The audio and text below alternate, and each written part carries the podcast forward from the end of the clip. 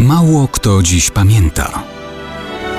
Datownik historyczny prezentuje Maciej Korkuć.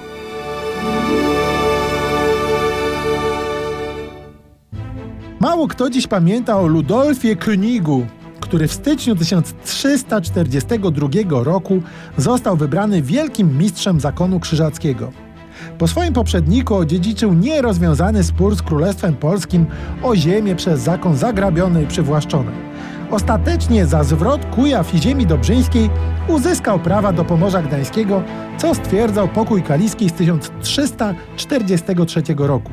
Warto pamiętać, że ten traktat zapewnił grubo ponad pół wieku pokoju w stosunkach polsko-zakonnych.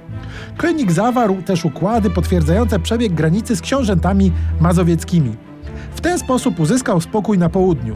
Teraz mógł skupić się na problemie z zakonnego punktu widzenia zasadniczym. Podbój Żmudzi miał połączyć dwie rozdzielone części państwa, tę na Pomorzu i w Prusach, z tą w Inflantach.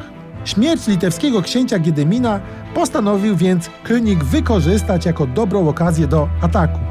No i zimą z 1344 na 1345 zorganizował europejską wyprawę na Żmudź. Europejską, bo to miało być ważne wydarzenie propagandowe. W walce przeciw pogańskim Litwinom towarzyszył mu i król Czech Jan Luksemburski, i król Węgier Ludwik Wielki, i margrabia Moraw Karol, i hrabia Niderlandów Wilhelm IV. Pokazowa wyprawa zakończyła się jednak niepowodzeniem, bo inicjatywę przejęli synowie Giedymina Olgierd i Kiejstud, którzy najpierw wyprawili się na Prusy, a następnie spustoszyli Inflanty. To, co miało umocnić i państwo, i pozycję wielkiego mistrza, stało się pokazową porażką.